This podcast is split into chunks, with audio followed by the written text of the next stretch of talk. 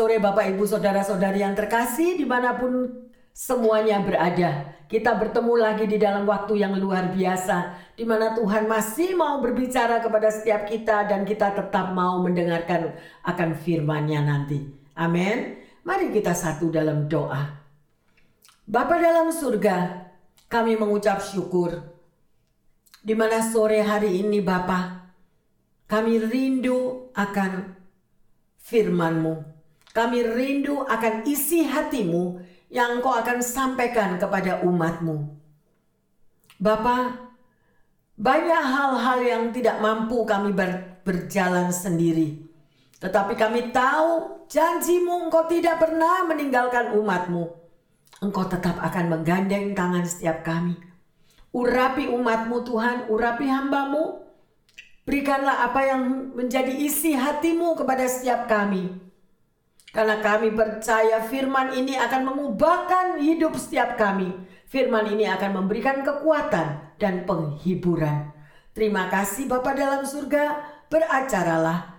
Kami siap untuk belajar akan firman Tuhan. Yang percaya dan siap membuka hati untuk menerima pengajaran firman Tuhan mengatakan, Amin, amin. Amin. Bapak, ibu, saudara-saudari yang terkasih, semua kita tahu ya, bahwa Tuhan itu sangat mengerti akan kehidupan saudara dan saya. Banyak liku-liku di dalam perjalanan hidup yang harus saudara dan saya alami. Oleh karena itu, begitu sayangnya Tuhan itu kepada kita. Dia memberikan hikmat dan pengertian serta pewahyuan bahkan diberikannya kata-katanya melalui surat cintanya yaitu firman Tuhan. Amin. Ya, dan firman Tuhan itu hidup dan berkuasa. Tetapi sering kali sebagai anak-anak Tuhan ada yang tidak mau membaca firman Tuhan. Mereka begitu meremehkan akan firman Tuhan. Ya, dan justru kita mendapatkan pertolongan yang luar biasa Melalui firman itu, saudara dan saya dikuatkan. Saudara dan saya dihiburkan. Firman Tuhan itu menjadi saksi di mana pada waktu engkau berdoa membaca firman, engkau menangis di atas firman Tuhan, di atas Alkitabmu. Tuhan tahu. Dia mendengar segala-galanya. Oleh karena itu, mari kita memiliki hati yang mau merenungkan firman Tuhan mau membaca surat cinta daripada Tuhan. Ya, karena Alkitab itu bukan kalimat yang kosong isinya, tetapi kalimat-kalimat Tuhan yang penuh kuasa menjadi satu rema untuk mengubah kehidupan saudara dan saya. Firman Tuhan itu mengajar kita, menegur kita, mengingatkan kita, sehingga kita bisa lebih bijaksana di dalam menghadapi hidup ini. Betul? Oleh karena itu, mari bersama-sama kita akan belajar pada sore hari ini dan tema khotbah adalah kekuatan firman Tuhan. Ya. Jadi ada apa itu di dalam firman Tuhan? Ada kekuatan yang terkasih. Mari kita baca di dalam Mazmur 119 ayat 105. Firmanmu itu pelita bagi kakiku dan terang bagi jalanku luar biasa ya. Alkitab sendiri mengatakan bahwa firman Tuhan itu menjadi pelita. Pelita itu artinya apa? Menjadi terang di dalam Anda berjalan, melangkah. Kalau saudara dan saya berjalan di dalam kegelapan kita akan terjatuh, ya. Tetapi pelita yang menerangi di dalam perjalanan hidup saudara dan saya sehingga di dalam perjalanan hidup ini kita tidak tersandung tetapi berapa banyak orang yang mau membaca firman Tuhan. Orang yang mau merenungkan firman Tuhan. Sungguh sangat amat disayangkan. Ada beberapa contoh ya daripada orang-orang yang nomor satu di Amerika.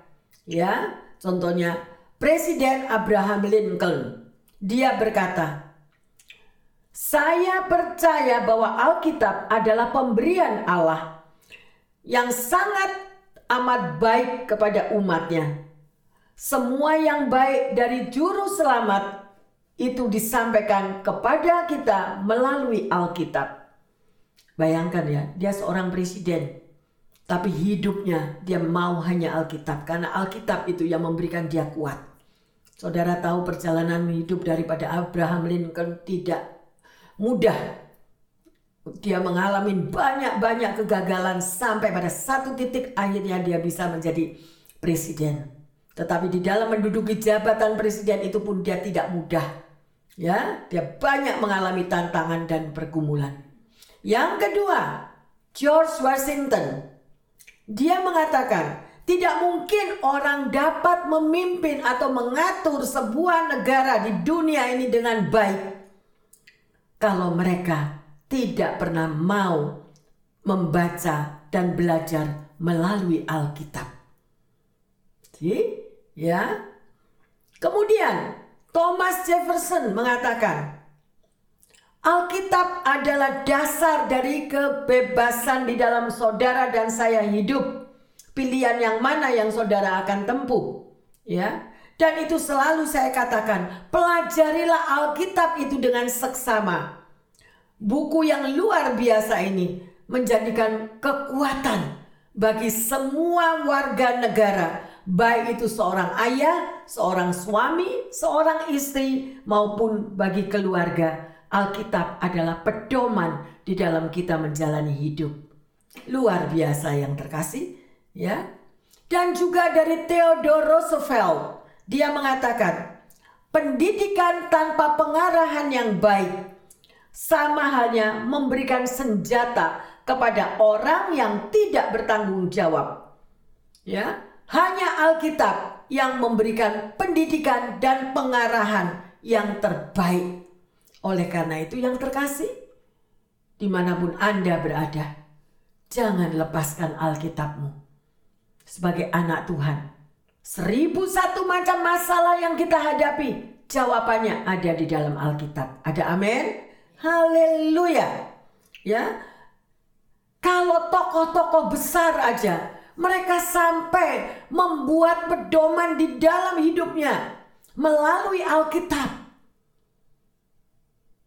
tuntunan daripada Alkitab karena itu adalah hikmat daripada Roh Kudus yang tertulis untuk membimbing kehidupan mereka. Bagaimanakah Anda dan saya?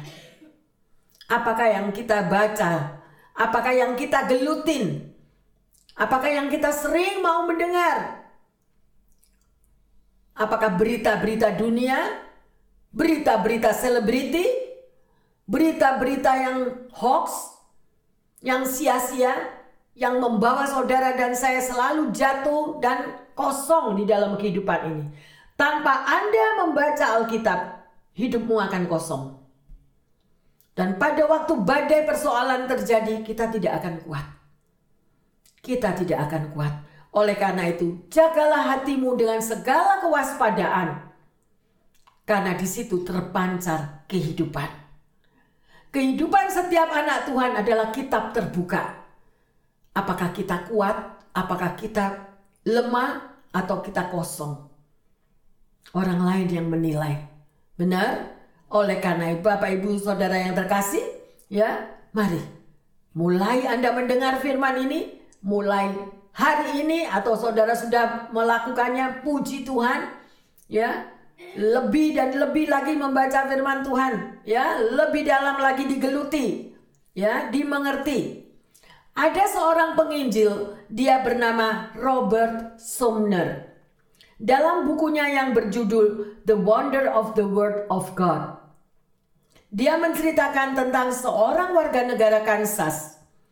Orang ini menjadi uh, kena korban daripada sebuah ledakan. Dia tidak menyebutkan namanya, hanya dikatakan wajahnya begitu rusak matanya menjadi buta, kedua tangannya putus. Ia baru saja menerima Tuhan sebagai juru selamatnya. Ya, kekecewaannya yang terbesar adalah kondisinya tidak lagi memungkinkan dia untuk membaca, untuk melihat kesukaannya, untuk merenungkan firman Allah melalui Alkitab. Pada suatu hari dia mendengar berita dari seorang wanita di Inggris yang dapat membaca huruf Braille. dengan memakai bibirnya. Dengan harapan dapat melakukan hal yang sama, dia memesan Alkitab dalam huruf Braille.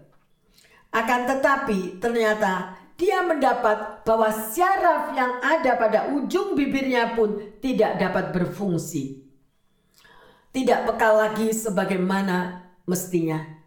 Jadi ia tidak dapat membedakan huruf-huruf Braille itu. Dan di dalam keputusasaannya, ia terus mencoba, mencoba dan terus berdoa. Dia rindu sekali, dia berikan kerinduannya, ceritanya kepada Tuhan. Tuhan aku pingin bisa baca, tapi gimana bibirku sudah tidak berfungsi. Dan dia mencoba melatih dan melatih terus. Akhirnya pada satu hari bibirnya yang tidak berfungsi tetapi lidahnya bisa menyentuh daripada huruf braille itu. Luar biasa ya. Jadi dia kaget tetapi dia begitu senang sekali. Aku dapat membaca memakai lidahku. Ya, saat kisah ini diceritakan oleh uh, Sumner, orang itu sudah empat kali menyelesaikan membaca Alkitab dengan menggunakan lidahnya. Ya, Bapak, Ibu, saudara-saudari yang terkasih, Tuhan memberikan anugerah yang luar biasa Mungkin pendengar di mana pun Anda berada, Anda merasakan saya tidak cacat, saya tidak buta. Saya masih bisa membaca firman Tuhan. Tetapi pertanyaannya, adakah kita rindu mau setiap hari mengerti apa yang dikatakan oleh firman Tuhan? Nah, di situ tantangannya, ya. Teladan apa yang saudara dan saya akan lihat yang diberikan kesaksian melalui warga di Kansas ini. Ya, oleh karena itu, jangan sia-siakan anugerah yang ada pada tubuh saudara dan saya yang masih sehat. Amin. Haleluya. Pertanyaannya, mengapa saudara dan saya harus membaca firman Tuhan? Ayo kita lihat Joshua 1 ayat yang ke-8. Janganlah engkau lupa memperkatakan kitab Taurat ini, tetapi renungkanlah itu siang dan malam, supaya engkau bertindak hati-hati sesuai dengan segala yang tertulis di dalamnya. Sebab dengan demikian, perjalananmu akan berhasil dan engkau akan beruntung. Amin. Mau saudara memeteraikan kata-kata ini? Jadi kalau Anda membaca akan firman Tuhan, dikatakan perjalananmu akan berhasil dan beruntung. No, berarti ada faedahnya Alkitab itu diberikan. Banyak orang yang tidak mengerti Alkitab tidak pernah dibaca cuma dikebusin waktu ke gereja baru dibawa tapi di rumah nggak pernah dibaca. Ada satu kekuatan yang dahsyat di dalam setiap kata-kata firman Tuhan. Ya, Betapa asiknya kalau kita membaca surat cinta dari bekas pacar. Ya, dari zaman Jepang, zaman Belanda, zaman apa aja surat cinta masih di masih ada disimpan. Dibaca terus ratusan kali sudah sobek, udah bolong-bolong, masih disetrika, dibaca lagi. Yang ada cuma yang disetrika, I love you, I love you, I love you. Itu yang menjadi daya tarik di dalam keadaan hidup kita. Tetapi bagaimana surat cinta Tuhan yang dia katakan. Sekali ahli aku tidak pernah meninggalkanmu. Loh, itu cintanya Tuhan sampai dia korbankan diri. Mati di kayu salib untuk saudara dan saya. Amin. Ayo yang terkasih, bacalah surat cinta Tuhan ini. Pada waktu kita nanti pulang, berhadapan muka dengan muka dengan Tuhan. Dan kalau Tuhan tanya kamu mengerti firmanku apa enggak? Loh, apa yang kita jawab? Berapa kali kau baca surat cinta? Itu. Tuhan saya enggak pernah baca surat cinta tapi kalau buku resep saya pinter. Ya mau masak segala macam bisa. Bukan itu yang terkasih Tuhan menyediakan makanan rohani melalui firman Tuhan dan makanan jasmani apa yang engkau makan setiap hari. Ada amin? Ayo kita lanjut. Yesaya 50 ayat 4. Tuhan Allah telah memberikan kepadaku lidah seorang murid, supaya dengan perkataan aku dapat memberi semangat baru kepada orang yang letih lesu. Setiap pagi ia mempertajam pendengaranku untuk mendengar seperti seorang murid. Nah, kalau Anda dan saya sudah dikatakan di sini ya bahwa kita ini adalah murid Yesus. Seorang murid harus mau belajar, betul? Belajar akan firman Tuhan, membaca firman Tuhan. Ya. Dan ini akan memberikan kita semangat yang baru. Yang letih lesu dan berbeban berat. Ada tertulis di situ. Datanglah kepadaku, hai engkau yang letih lesu dan yang berbeban berat, aku akan memberi sentosa kepadamu. Amin. Haleluya, semua ada yang terkasih. Jadi, bagi Anda dan saya, apa manfaatnya firman Tuhan itu? Apa gunanya firman Tuhan itu? Ayo kita baca di dalam Mazmur 119 ayat yang ke-9 dan ayat yang ke-130. Dengan apakah seorang muda mempertahankan kelakuannya bersih? Dengan menjaganya sesuai dengan firman-Mu. Bila tersingkap, firman-firman-Mu memberi terang, memberi pengertian kepada orang-orang bodoh. Lah, sih? Jadi semua itu sudah tertulis dengan jelas orang yang bodoh, orang yang apa pun itu dikasih pengertian.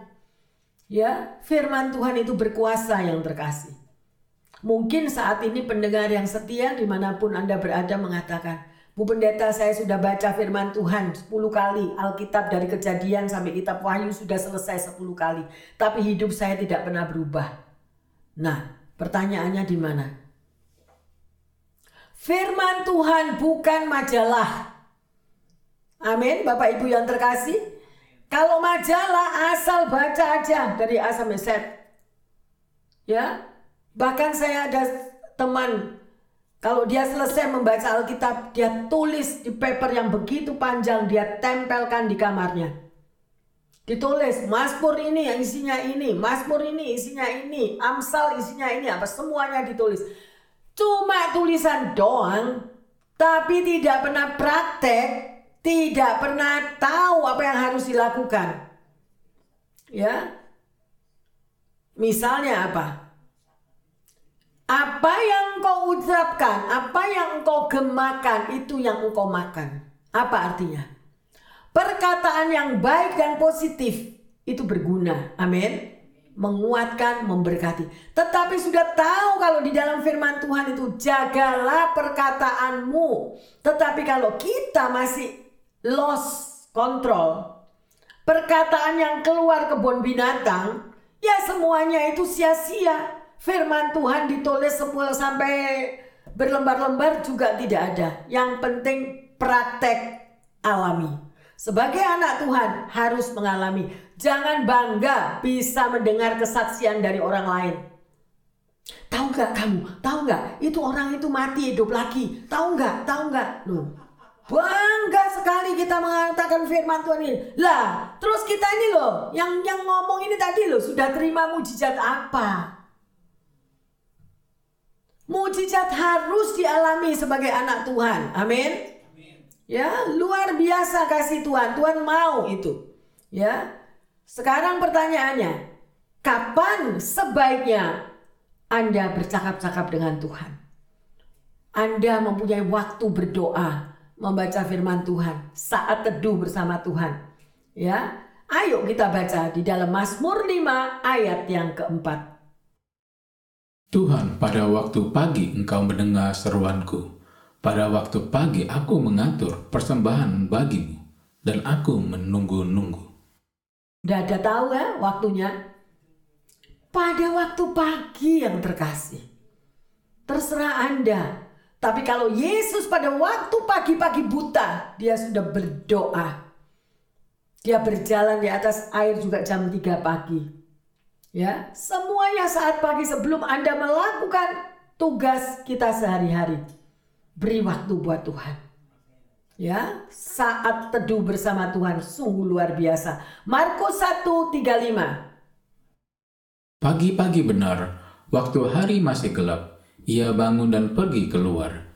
Ia pergi ke tempat yang sunyi dan berdoa di sana. Lah, sih, ini Yesus Bagaimana Anda dan saya? Bu Pendeta, winter, dingin, kok pagi-pagi keluar, di bawah selimut enak anget. Nah, sih, ya.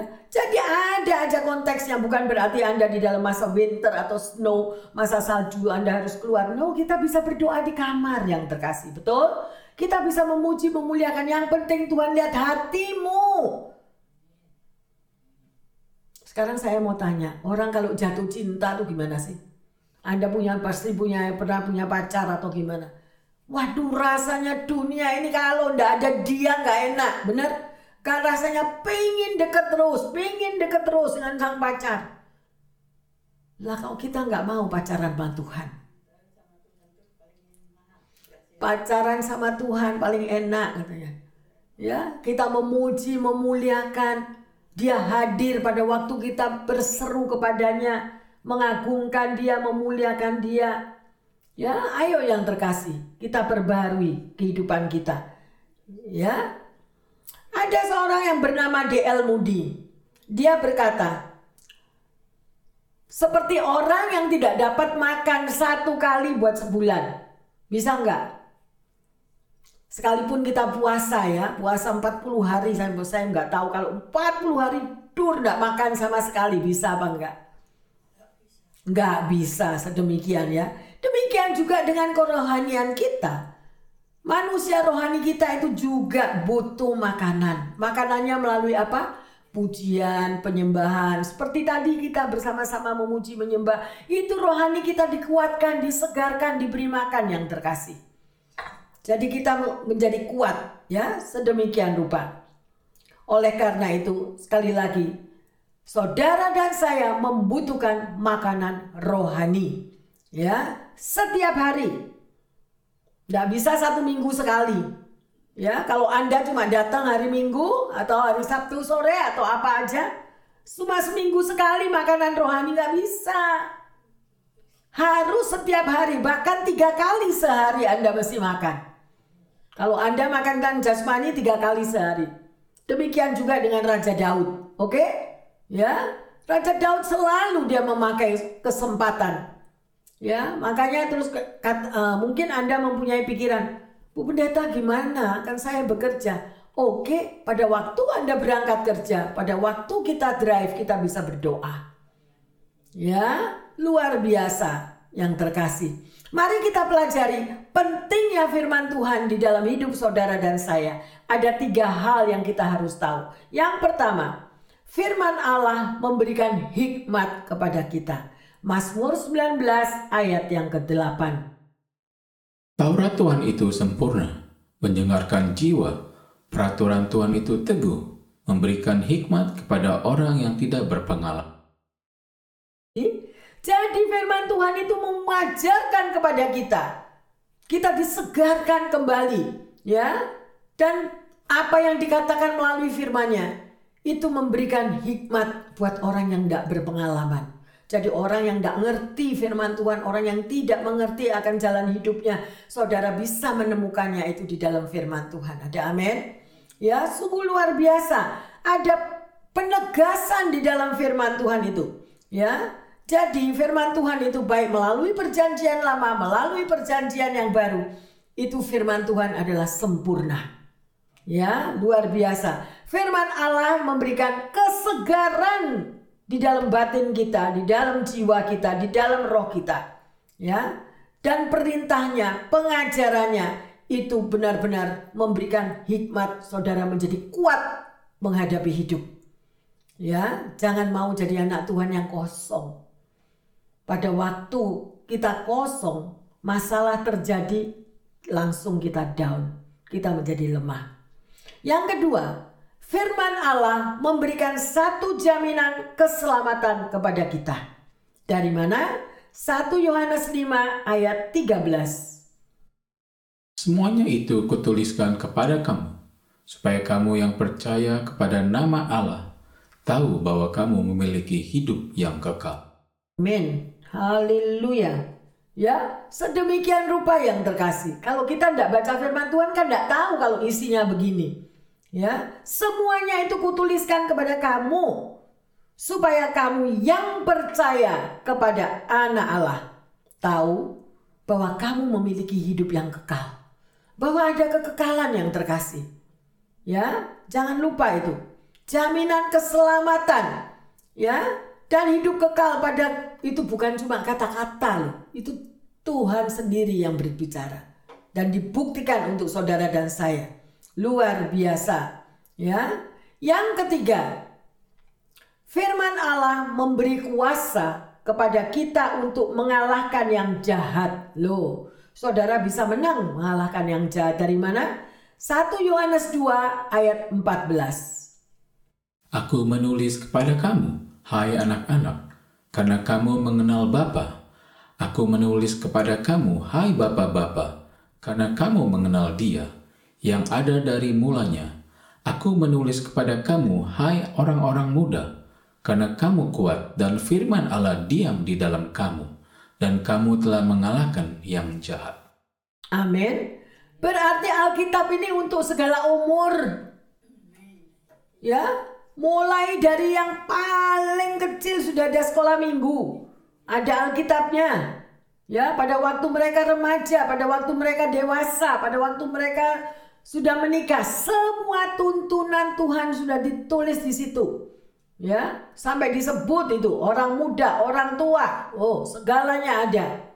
Lah kalau kita nggak mau membaca firman Tuhan, kita yang rugi, amin. Kita yang rugi sendiri. Luar biasa, firman Allah itu memberikan kuasa, memberi kekuatan rohani, juga jasmani untuk mengalahkan segala kuasa-kuasa jahat. Ya, Bapak, Ibu, Saudara-saudari yang terkasih, ada sebuah cerita nyata Selama tujuh tahun yang mengerikan, seorang bernama Yeremia Denton menjadi tawanan perang di Vietnam Utara. Ia berada di dalam kurungan tersendiri hampir sepanjang waktu itu. Sebagai salah seorang tawanan Amerika level tertinggi, ia disiksa dengan hebat. Meskipun demikian, ia bukan saja selamat, namun setelah perang selesai, Denton terpilih menjadi salah seorang senator Amerika di Alabama. Ya, bagaimana Denton menghadapi kejenuhan dan penderitaan selama ia disiksa di dalam penjara? Dalam banyak kesempatan, Denton mengatakan bahwa salah satu kemampuan bertahan hidupnya yaitu dia selalu mengatakan tentang firman Tuhan. Dia selalu mengulangi akan firman Tuhan. Dia ucapkan selalu setiap hari, setiap saat, sekalipun dia dipukulin, dia mau uh, dipecut, dia diludain, dia ditelanjangi, apa pun dia selalu firman Tuhan itu yang dia ucapkan di dalam hati dan bibir mulutnya. Firman Tuhan itu menjadikan dia seorang yang kuat, mempunyai iman yang teguh karena dia hafal semua apa yang tertulis di dalam firman Tuhan itu ada di dalam pikiran dan hatinya. Sungguh luar biasa. Sehingga di dalam keadaannya dia tetap kuat, bangkit dan semangat di dalam siksaan yang bertubi-tubi sedemikian. Ya, luar biasa. Karakter yang demikian itu dia dapatkan pada waktu dia disiksa di dalam penjara. Pada waktu dia tertawan. Ya, sebelumnya dia hanya menjadi tentara is dia menjadi perwira is tetapi imannya tidak sekuat seperti apa yang dia alami di dalam penjara. Jadi, Badai persoalan hidup, penderitaan yang luar biasa menjadikan Denton menjadi seorang yang sangat amat kuat di dalam imannya kepada Tuhan.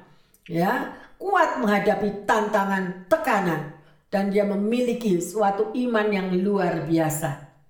Ya, luar biasa sekali Bapak Ibu Saudara yang terkasih. Kita bisa melihat seseorang yang hidupnya seperti kitab terbuka kalau orang itu pantang menyerah, kalau orang itu tabah menghadapi badai pergumulan hidup, pasti masa lalunya dia mengalami apa?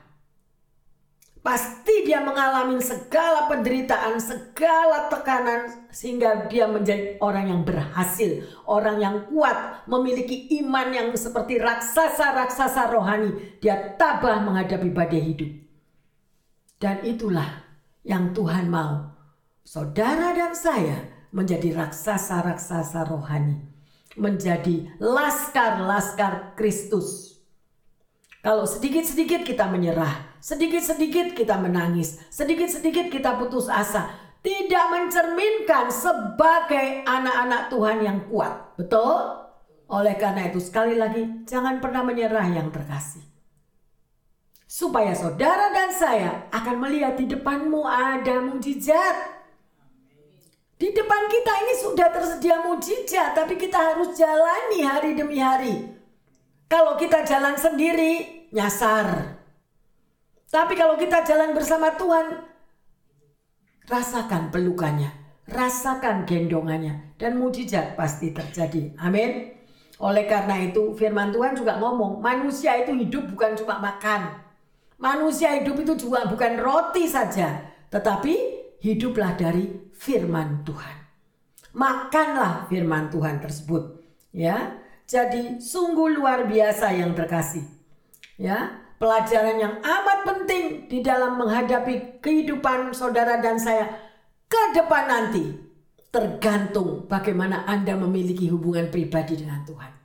Melalui firman Tuhan, memuji, menyembah, lakukanlah hal itu. Amin. Ya, jadi saya sekali lagi mendorong setiap pendengar yang setia, mendorong setiap jemaat yang terkasih untuk selalu berhubungan dengan Tuhan dengan membaca firman-Nya. Karena itu kekuatan di dalam hidup.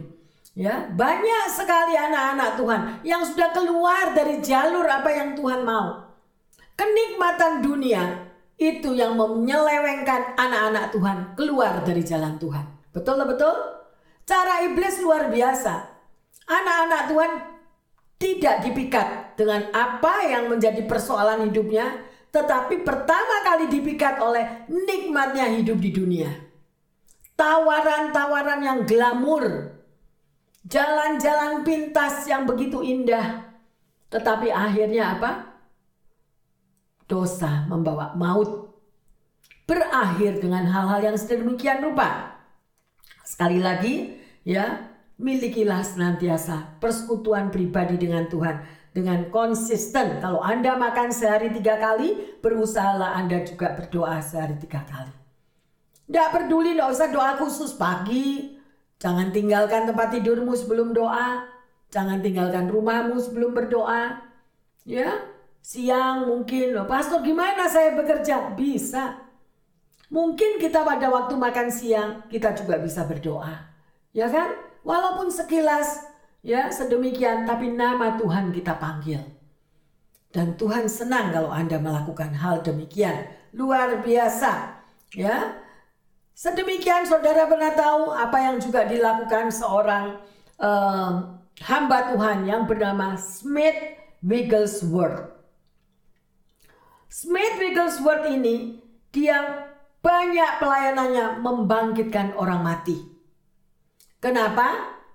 Karena dia tidak pernah melewatkan 15 menit tanpa doa.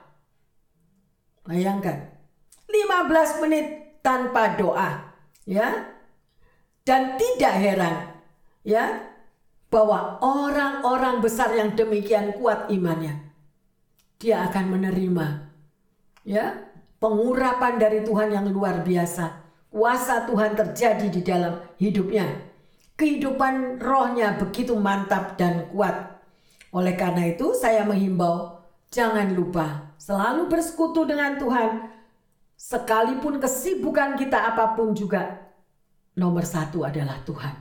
Amin. Bukan kita mau meremehkan oh waktu sibuk tidak. Sibuk ya sibuk, tetapi sebelumnya di mana pun Anda uh, bisa lakukanlah untuk memanggil nama Tuhan. Mungkin cuma dengan kata-kata, terima kasih Tuhan, aku sehat hari ini. Terima kasih Tuhan, anak-anakku diberkati. Terima kasih Tuhan, masa depanku gilang gemilang bersamamu. Masa gak bisa ngomong gitu? Bisa kan? Apa yang kau katakan itu yang terjadi. Ya, luar biasa. Ya, hari ini kita sudah belajar kekuatan firman Tuhan. Pertanyaannya, bagaimana perenungan firman Tuhan apabila Anda membaca firman itu? Apa yang saudara renungkan? Ya, yang kedua, seberapa pentingnya Anda membaca dan merenungkan firman Tuhan itu di dalam hidupmu? Penting apa enggak? Hah? Yang ketiga, Bagaimana firman Tuhan itu mendatangkan dampak ya bagi kekuatan manusia rohani kita. Dan sebagai ayat emas, mari kita baca Ibrani 4 ayat yang ke-12. Sebab firman Allah hidup dan kuat dan lebih tajam daripada pedang bermata dua mana pun. Ia menusuk amat dalam sampai memisahkan jiwa dan roh, sendi-sendi dan sumsum. Ia sanggup membedakan mempertimbangkan dan pikiran hati kita. Amin. Luar biasa yang terkasih, catat akan firman Tuhan ini. Ya, dikatakan firman Tuhan itu kuat dan lebih tajam daripada pedang bermata dua mana pun ya. Menusuk ya amat dalam sampai memisahkan jiwa dan roh. Berarti luar biasa powernya, powerful. Ya, ia sanggup membedakan pertimbangan dan pikiran hati kita. Saya mau pada poin yang terakhir ini. Apa artinya? Sanggup membedakan pertimbangan dan pikiran hati kita. Mungkin satu hari saudara harus memilih dua pilihan. Amin. Untuk memutuskan, misalnya Anda diterima di dalam dua pekerjaan. Nah, ini aja yang gampang. Pekerjaan yang mana ya Tuhan yang akan saya ambil? Bidang apa ya Tuhan yang akan saya miliki? Nah, kalau Anda bergaul akrab dengan Tuhan, pasti Tuhan akan menuntun. Amin. Pasti dikasih tahu, jangan yang kiri nak, ambillah yang kanan. Tetapi kalau kita tidak memiliki hubungan pribadi dengan Tuhan, justru yang kita lihat gajinya yang lebih besar yang mana ya? Lah, betul? Ada trap, ada jebakan-jebakan. Belum tentu yang gajinya lebih sedikit itu mempunyai latar belakang masa depan yang lebih indah. Amin. Oleh karena itu, milikilah firman Tuhan setiap hari. Bacalah dan renungkanlah, percaya di dalam firman Tuhan ada kuasa Tuhan yang akan membuka jalan, memberikan terobosan di dalam hidup saudara dan saya. Bapa dalam surga kami mengucap syukur. Memang benar ya Tuhan bahwa firman-Mu lah yang menuntun di dalam perjalanan hidup kami. Sebagai anak Tuhan, yang kami Tuhan mengaku sebagai milik-Mu. Tetapi kami mau Bapa, setiap kata-kata bukti daripada cinta kasih-Mu yang tertulis di dalam firman itu menjadi bagian dalam hidup kami. Karena firman-Mu adalah pelita bagi kaki kami dan menjadi terang di dalam perjalanan hidup kami. Ampuni kami ya Tuhan. Kalau kami sering kali lupa untuk membaca firman-Mu. Sering kali kami lupa Tuhan tidak mencari apa yang menjadi kehendak-Mu melalui firman-Mu. Tetapi saat ini Tuhan kami percaya. Kami mau lebih dekat. Lebih mengenal. Lebih Tuhan belajar apa yang Engkau katakan di dalam perjalanan hidup kami. Sehingga hidup kami selalu dituntun. Kami tidak akan berjalan di dalam jalan yang salah, tetapi kami berjalan di dalam jalan kebenaran. Terima kasih Roh Kudus. Syukur dan syukur senantiasa. Karena kami percaya firman-Mu itu akan menuntun di dalam setiap langkah kaki kami. Menuju kepada rancangan-Mu yang besar Tuhan dalam hidup kami. Teguhkan komitmen kami Tuhan untuk senantiasa membaca, merenungkan, dan melakukan firman-Mu. Sehingga kami boleh menjadi anak-anak Tuhan yang kuat, kokoh, teguh ya Tuhan. Demikian juga hamba berdoa bagi para pendengar yang setia Bapak Ibu, saudara-saudari yang terkasih baik di rumah-rumah mereka, di negara-negara mereka yang saat ini mendengarkan Tuhan. Biarlah Tuhan hati mereka terjamah. Mereka juga memiliki kerinduan bahwa mereka mau meneliti akan firman-Mu. Mereka mau Tuhan lebih mengenal, lebih jelas merasakan kasih-Mu melalui firman Tuhan. Terima kasih Bapak, sehingga yang sakit boleh disembuhkan, dikuatkan, yang mengalami tantangan pergumulan hidup, baik finansial maupun di dalam hubungan keluarga, semuanya Tuhan memperoleh jawaban melalui firman-Mu. Terima kasih Bapa dalam surga untuk firman yang luar biasa ini. Kekuatan firman Tuhan menjadi dampak kehidupan kami menjadi anak-anak Tuhan yang kuat. Di dalam nama Tuhan Yesus hamba berdoa dan mengucap syukur. Yang percaya dan sudah dikuatkan oleh firman Tuhan ini mengatakan, Amin, amin, amin. Bapak, ibu, saudara-saudari yang terkasih, sekali lagi saya menghimbau, jadikanlah firman Tuhan sebagai pedoman utama di dalam kehidupan kita. Milikilah kehidupan doa serta membaca firman-Nya setiap hari. Maka kita mengalami kemenangan demi kemenangan di dalam perjalanan hidup ke depan. Yang percaya mengatakan, Amin, amin, amin. Tuhan Yesus memberkati semuanya.